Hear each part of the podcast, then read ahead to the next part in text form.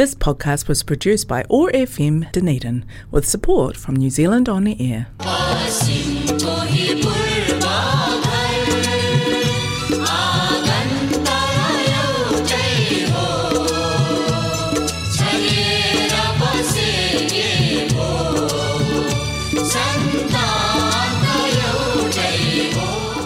Now my hare mai. Namaste. Harak Mangalbar Sajako छत्तिस बजे प्रसारण हुने ओटागो एक्सेस रेडियोबाट सञ्चालित कार्यक्रम हाम्रो आवाजमा म आराधना रेग्मीको सम्पूर्ण श्रोताहरूमा हार्दिक अभिवादन। आज मङ्गलबार इस्वी सन् दुई हजार तेइस जनवरी चौबिस तारिक तदनुसार विक्रम सम्बत दुई हजार उनासी माघ दस गते।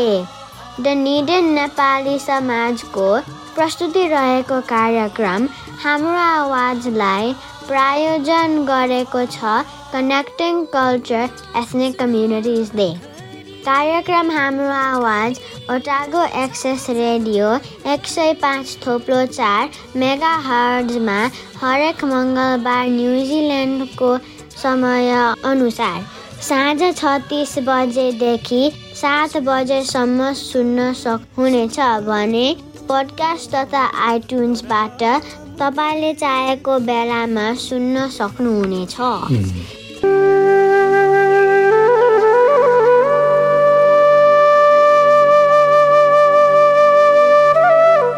श्रोताहरू आजसम्म आउँदा बाल उपन्यास माछाहरूको सहरको दुई श्रृङ्खला प्रस्तुत गरेको छु। र आजको अङ्कमा तेस्रो श्रृङ्खला प्रस्तुत गर्नेछु पाठ चारको बिचबाट। आकाश रङ्ग्याउँदै क्षितिजबाट सूर्यको उदय हुँदै थियो। मेरो मनभित्र एक प्रकारको खुसियाली छाउँदै थियो। आकाशतर्फ फर्किएर सूर्य भगवान्लाई हेरे अनि माछाहरूलाई माछाहरूले आकाशतर्फ फर्किएर नमस्कार गरे। पुच्छरले पानी चढाए। मैले पनि सारा पृथ्वीलाई प्रकाशमय बनाउने सूर्य भगवानको हात जोडेर दर्शन गरेँ। बिहानै मम्मीले सूर्य भगवान्लाई पानी चढाएको सम्झिएँ अनि मैले पनि भगवान्लाई मनबाटै सम्झिएर अन्जुलीले पानी चढाएँ। मन प्रफुल्लित भयो। शरीरमा शक्ति सञ्चय भएको महसुस गरेँ। भगवानमा भरोसा राख्नु शक्ति मिल्छ भनेर मम्मीले भनेको सम्झिएँ। आकाशमा घाम देखा परेपछि अब बाँच्यो भने जस्तो लाग्यो। सुन्दर जस्तै पानीमाथि कुदौ जस्तै लाग्यो। शरीर फुरुङ्ग भएर हावा जस्तै हल्का भयो। मन पुतली जस्तै उड्न थाल्यो। म खुसी भएको देखेर सुन्दर पनि खुसी भयो। हामी पाहाडको फेदी हुँदै निरन्तर हेरिरह्यौँ। सबै सिपाही अरू माछाहरू पनि एक नाचले हिँडिरहेका थिए। हेर्दा पनि रमाइलो देखिन्थ्यो। ठुला ठुला चट्टानले बनिएको पहाड रहेछ। अलिकति ठोकिँदा पनि मर्ने गरेर दुख्ने। कति ठाउँमा त चुच्चो परेको ढुङ्गाले घाउ नै बनाइदियो। धेरै हिँडेपछि वेलिङटन पनि ओझेल पर्न थाल्यो। हामी हेर्दै गरेको पहाड सकिने बित्तिकै अर्को ठुलो पहाड देखा पर्यो विशाल पहाड उस्तै चट्टान लगभग दस पन्ध्र मिनट हिँडेपछि हामी त्यो विशाल पहाडमा पुग्यौँ। अब भने वेलिङटन पूर्ण रूपमा ओझेल पर्यो घाम आकाशको बिच भागमा उभिएर पृथ्वीलाई हेरिरहेको थियो। हामी पनि उही घामलाई हेर्दै हिँडिरहेका थियौँ। अलिकति हिँडेपछि पहाडको फेदीमा सुन्दर चट्टान भेटियो। ठुलो माछाले सबैजनालाई यहीँ बिसाउन आग्रह गर्यो।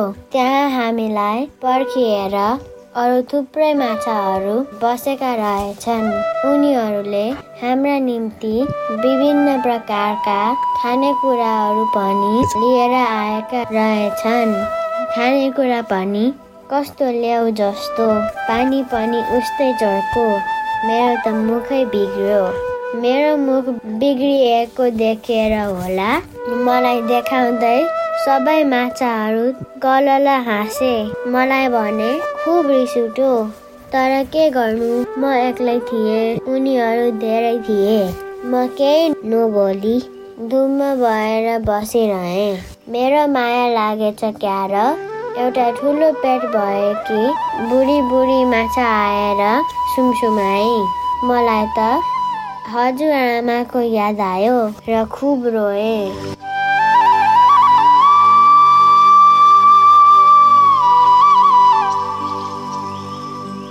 पकाउँदै समुद्रमा पाइने राम्रा राम्रा बल्ने ढुङ्गाहरू देखाई। उसले यस्ता बल्ने मसिना ढुङ्गाहरू जोडेर माला बनाएकी रहेछ। मलाई पनि एउटा माला लगाइदिई म खुसी भएँ। उसले मलाई पिठ्युमा बोकी र माया गरी पछि थाहा भयो ऊ त्यही पाहाडमा बस्ने गर्दी रहेछ। त्यो खानेकुरा पनि उसैले ल्याएर दिएकी रहेछ। मलाई पनि फलफुल ल्याएर दिई। कहिल्यै नदेखेको फल हेर्दा पनि अमला जस्तो देखिने। तर गुलियो मिठो अरू अरू माछाहरू पनि आएका रहेछन्। खाना खाइसकेपछि केही समय हामीसँग बसेर उनीहरू फर्किए। पर पुग्दासम्म बुढी माछाले पखेटा हल्लाइरहनु भएको थियो। मैले पनि हात थलाइदिए त्यसपछि सबैजना आफ्नो तरिकाले आराम गर्न थाल्यो। सुन्दर भने मेरो छेउमा आएर पल्टियो। म पनि उसैसँग पल्टिएँ। जमिनमा पल्टिएर आकाश त धेरैचोटि हेरेको थिएँ तर पानीमा पल्टिएर आकाश हेरेको पहिलोचोटि थियो। आकाशमा थुप्रै चराहरू उड्दै थिए। माथि उडिरहेको चरालाई देखाउँदै सुन्दरले भन्नु तिमी पनि उड्न सक्छौ? मैले अह सक्दिनँ। तिमी सक्छौ? भने उसले म पनि सक्दिनँ भन्यो। तिमीलाई त्यो चराले खान सक्छ भनेर फेरि सोध्यो। मैले सक्दैन म त्यसलाई लट्ठीले खेदाइहाल्छु नि भने। तिमी पनि त्यसलाई खेदाउन सक् भनेको उसले त सक्दिन भन्यो। मलाई त खाइहाल्छ नि भन्यो। मैले कसरी खान्छ? तिमी त पानीभित्र लुक्न सकिहाल्छौ नि भने। उसले हामी बाहिर एक्लै खेल्न आएको बेला खान्छ नि भन्यो ओहो हो र तर अब नडराउ म तिमीसँग भएको बेला त्यो छेउमा पनि आउन सक्दैन भनेर उसलाई ढाडस दिए। ऊ हुन्छ भन्दै मुसुक्क हाँस्यो। सायद सानी देखेर मेरो कुरा पत्यान होला। आकाशमा धेरै चराहरू उडिरहेका थिए। कोही ठुला कोही साना कोही लामा चुच्चा गरेका कोही छोटा तर प्राय सबै चराहरू सेता देखिन्थे। उनीहरू यही पाहाडमा बस्ने किरा फट्याङ्ग्रा समुद्रका माछा खाएर बाँच्दा रहेछन्। सुन्दर र म यिनै चराहरूको बारेमा गफ गर्दै पल्टिरहेका थियौँ। थाहा नपाए भुसुक निदाएछौँ न्यानो घाम अझ पानीले यताउता हल्लाउँदा मम्मीले कोक्रोमा हल्लाइ जस्तै भएछ। निकै थाकेर होला धेरै बेर सुतिएछ। थाहा पाउँदा सबैजना धमाधम हिँड्नलाई सुरसार गर्दै रहेछन्। सुन्दर भने अझ सुतिरहेको थियो। म जस्तै ऊ पनि गलत छ क्यार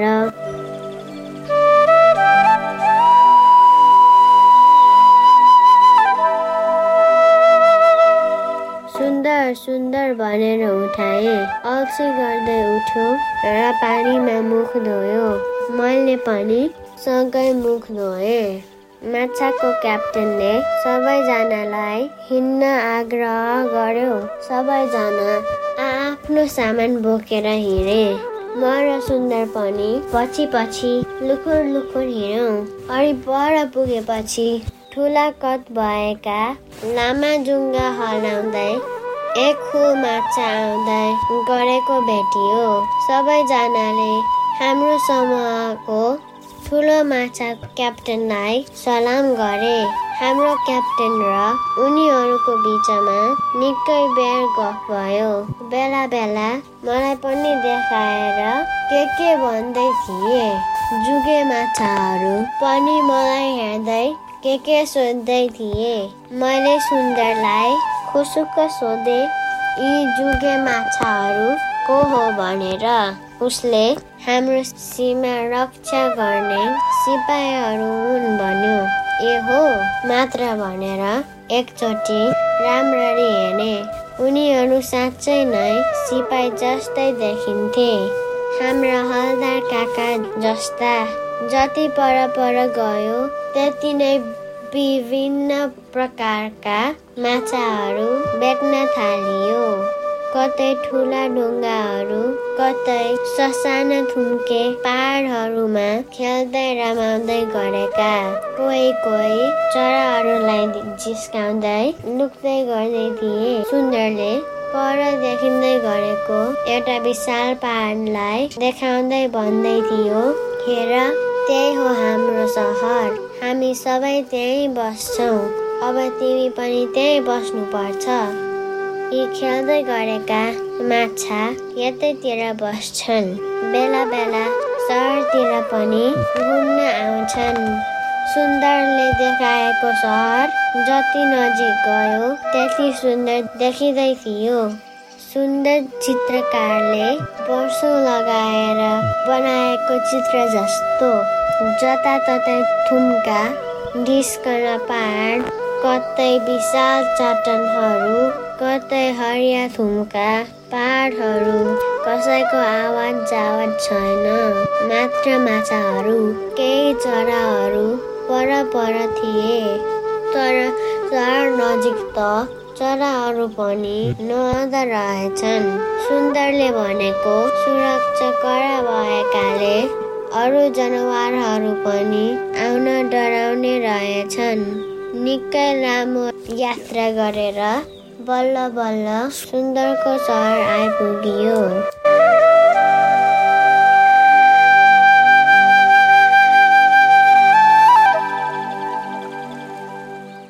श्रोताहरू यहाँहरू अहिले सुन्दै हुनुहुन्छ कार्यक्रम हाम्रो आवाज ओटागो एक्सेस रेडियो एक सय पाँच थप्लो चार मेगा हर्जमा अब भने म माछाहरूको सहरको पाठ पाँच प्रस्तुत गर्दैछु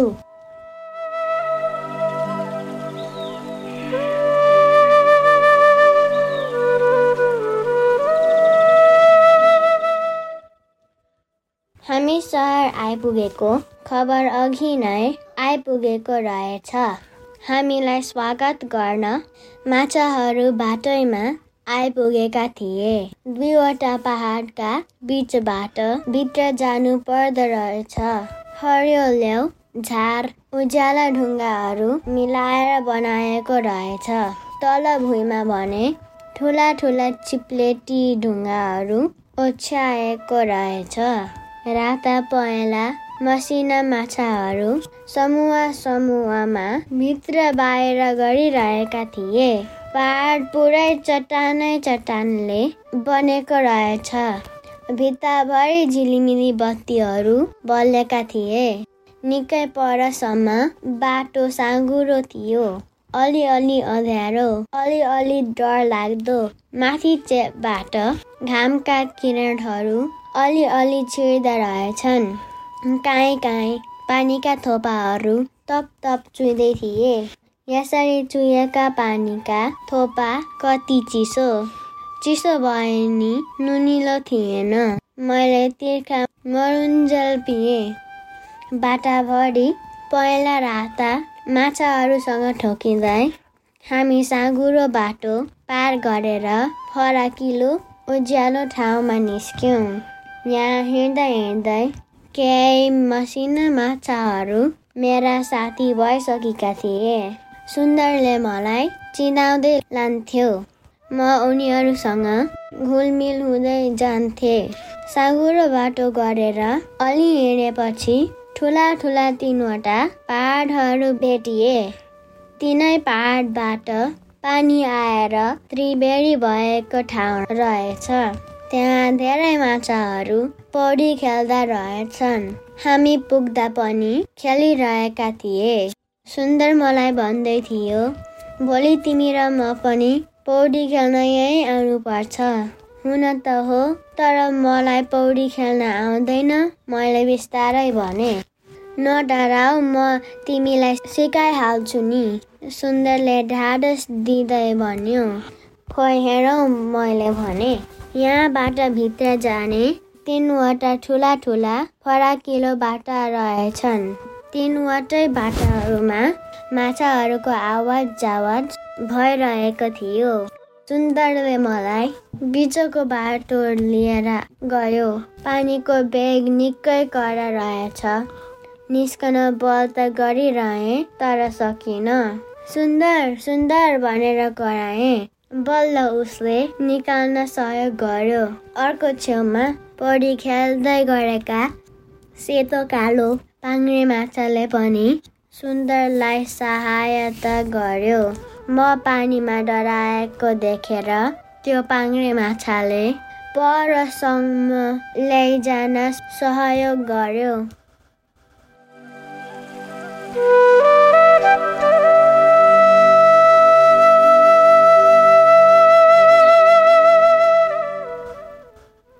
पर सजिलो बाटो आएपछि छोडिदियो। त्यहाँबाट सुन्दर र म गफ गर्दै गर्दै गयौँ। ऊ मलाई हेर यो पहाड छ नि हाम्रो उत्पत्ति भएको ठाउँ हो। संसारभरि जति माछा छन् ती सबैको आफ्नो पहाड खोला नाला हुन्छ। हाम्रो चाहिँ जे भने पनि यही हो। तिम्रो पनि त आफ्नो पहाड वा कुनै खोला नाला होला नि त। म अलमल्ल परे। मलाई त थाहा छैन भनिदिएँ। ल भइहाल्यो सोध्यो भने यही पहाड देखाइदिनु। भन्दै सुन्दर हाँस्यो। हामी बिस्तारै भित्र ठुलो गुफामा प्रवेश गयौँ गुफा धेरै ठुलो र डरलाग्दो रहेछ। थुप्रै माछाहरू गफ गर्दै वरपर हिँडिरहेका थिए। अलि पर पुगेपछि समुद्रभित्र जाने बाटो भेटियो। पानी माथि आएको बेला त्यहाँ बस्नु पर्दो रहेछ अनि पानीले तल लिएर जाँदो रहेछ। सुन्दरले ल बिस्तारै तल आऊ भनेर उता फुत्त फालिहाल्यो। मलाई भने डर लाग्यो। मैले धेरै कोसिस गरेँ तर अह आँटै आएन। पछि सुन्दर आफै आयो। तिमी त कस्तो डराएको? भन्दै हात समाएर लग्यो। धेरै तल पुगेपछि अर्को विशाल चट्टान भेटियो। पानी कति सफा अनि कति कञ्चन। अलिकति चाखेको नुनिलो थिएन।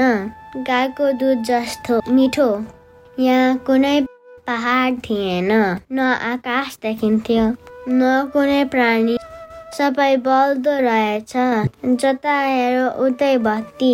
जहाँ छोयो त्यही उज्यालो। छुँदा पनि मैलो लाग्ला जस्तो। हिँड्दा पनि मैलो लाग्ला जस्तो। देखे जति सबै कुरा बलेको देखे। यसो सुन्दरलाई हेरेको ऊ पनि टल्ल टल्किएको देखे। सुन्दरलाई साँच्चै सुन्दर देखे। सुन्दर तिमी त कति राम्रो देखियो त भनेको उसले मलाई देखाउँदै भन्यो हेर त तिमी पनि उस्तै राम्री देखिएकी छौ नि। मैले आफैलाई हेरेँ। वाउ म त सुन्दरले भने जस्तै कस्तो राम्री भएछु मेरा लुगा पनि हिरा जस्तै टल्किएका देखे। पानीमा अनुहार हेरेको अनुहार पनि उस्तै टल्किएको थियो। हात हेरे हात पनि टल्किएको खुट्टा हेरे खुट्टा पनि उस्तै टल्किएको कपाल नङ सबै टल्किएका हेर्दै हेर्दै म त परी जस्तै देखिएँ उड्न सक्ने सुन्दरलाई हेरे ऊ पनि उड्न सक्ने भयो। हामी दुवैजना खुसीले उड्न थाल्यौँ। हामी उड्दै उड्दै भित्रभित्र गयौँ। अरू थुप्रै माछाहरू वरपर उड्दै थिए। पछि थाहा पाएँ यहाँ आउने जति सबै उड्न सक्दो रहेछन्। हामी उड्दै भित्र जाँदै थियौँ। अघि हामीलाई लिएर आउने क्याप्टेन पर्खिरहेको रहेछ। उसले हामीलाई लिएर एउटा ठुलो झिलिमिली परेको ठाउँमा लिएर गयो। त्यहाँ अरू थुप्रै माछा अनि अरू पानीमा बस्ने जनावरहरू बसेका रहेछन्। यो ठुलो फराकिलो सभा घर जस्तै थियो। एकैछिनमा सङ्गीतको धुन सुरु गर्यो सङ्गीतको धुनसँगै पहिला निला रङका पुतली जस्ता माछाहरू आएर नाच्न थाले।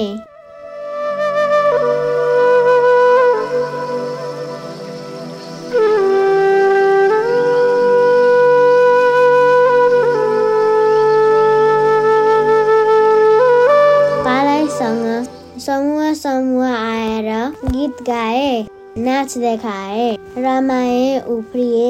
सुन्दरले मलाई पनि आऊ नाच्न भन्यो म पनि उनीहरूसँगै नाचे उफ्रिएँ रमाएँ। नाच्ने गाउने कार्यक्रम सकिएपछि एकजना ठुलो माछाले सबैलाई सम्बोधन गर्दै भन्यो यो हाम्रो छोरा हाम्रो राजकुमारलाई सकुशल भेटेर ल्याएको उपलक्ष्यमा गरिएको कार्यक्रम हो। यसरी हाम्रो राजकुमारलाई सकुशल ल्याउन सहयोग गर्नुहुने क्याप्टेनलाई धेरै धेरै धन्यवाद। साथै यो उपहार पनि भनेर ठुलो झलमल बलेको हिराको हार लगाइदिनु भयो सबैजनाले ताली बजाए। त्यसपछि मर सुन्दरलाई पनि अगाडि बोलाएर अर्को हार लगाइदिए। सबैजनाले ताली बजाए। हार लगाउन पाउँदा म र सुन्दर पनि मख भयौँ। हामीलाई सबैले आएर माया गरे। मलाई र सुन्दरलाई बोकेर घुमाए। माछाहरूले बोक्दा मलाई अलिअलि लाज अलिअलि कुदकुती लागिरहेको थियो। मलाई धेरैजनाले उपहार स्वरूप बल्ने ढुङ्गाहरू दिए। यसपछि सबैजनालाई खाना खान बोलाइयो। सबैजनालाई खाना बनाएको रहेछ। खाना बनाउने टोली छुट्टै रहेछ। खाना त हरियो साग लेउ जस्तो देखिन्थ्यो। मैले पनि अलिकति खाएँ।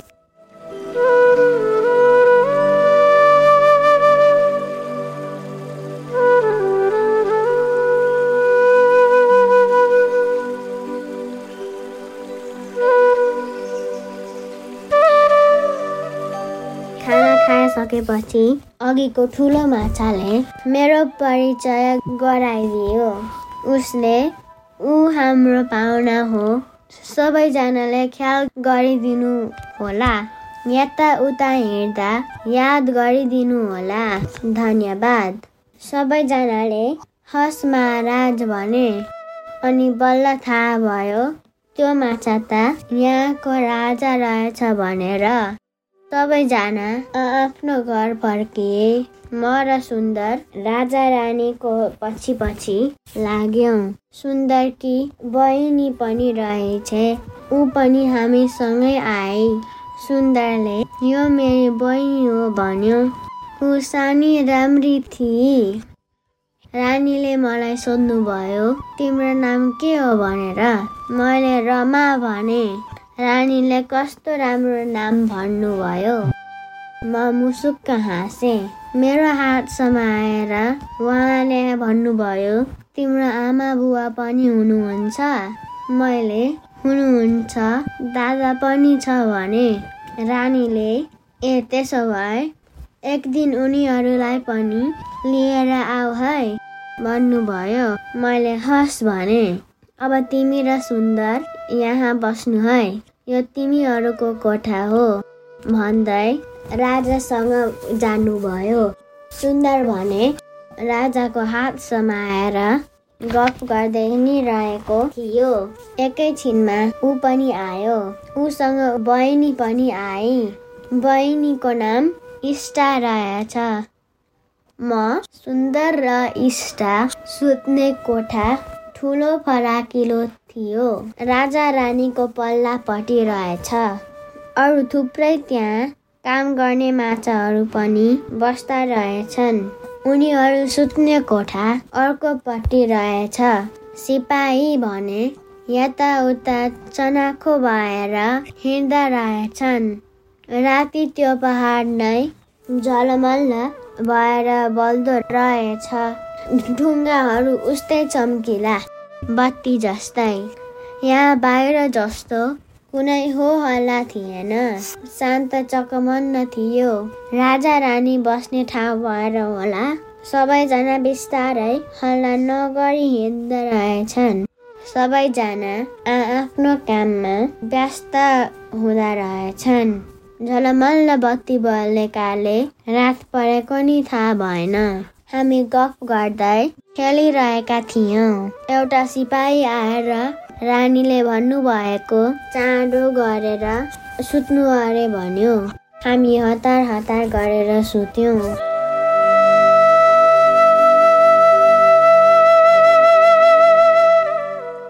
जाँदा जाँदै हाम्रो आवाजका प्रायोजक कनेक्टिङ कल्चर र यो आवाज तरङ्गित गराउने ओटागो एक्सेस रेडियोलाई धन्यवाद। अर्को साता यसै उपन्यासको अन्तिम श्रृङ्खलाका साथ उपन्यासकारसँगको छोटो कुराकानी पनि लिएर आउनेछु प्राविधिक मित्र जेफ र म आराधना ओजल हुन चाहन्छु नमस्ते शुभरात्रि This podcast was produced by ORFM Dunedin with support from New Zealand On the Air.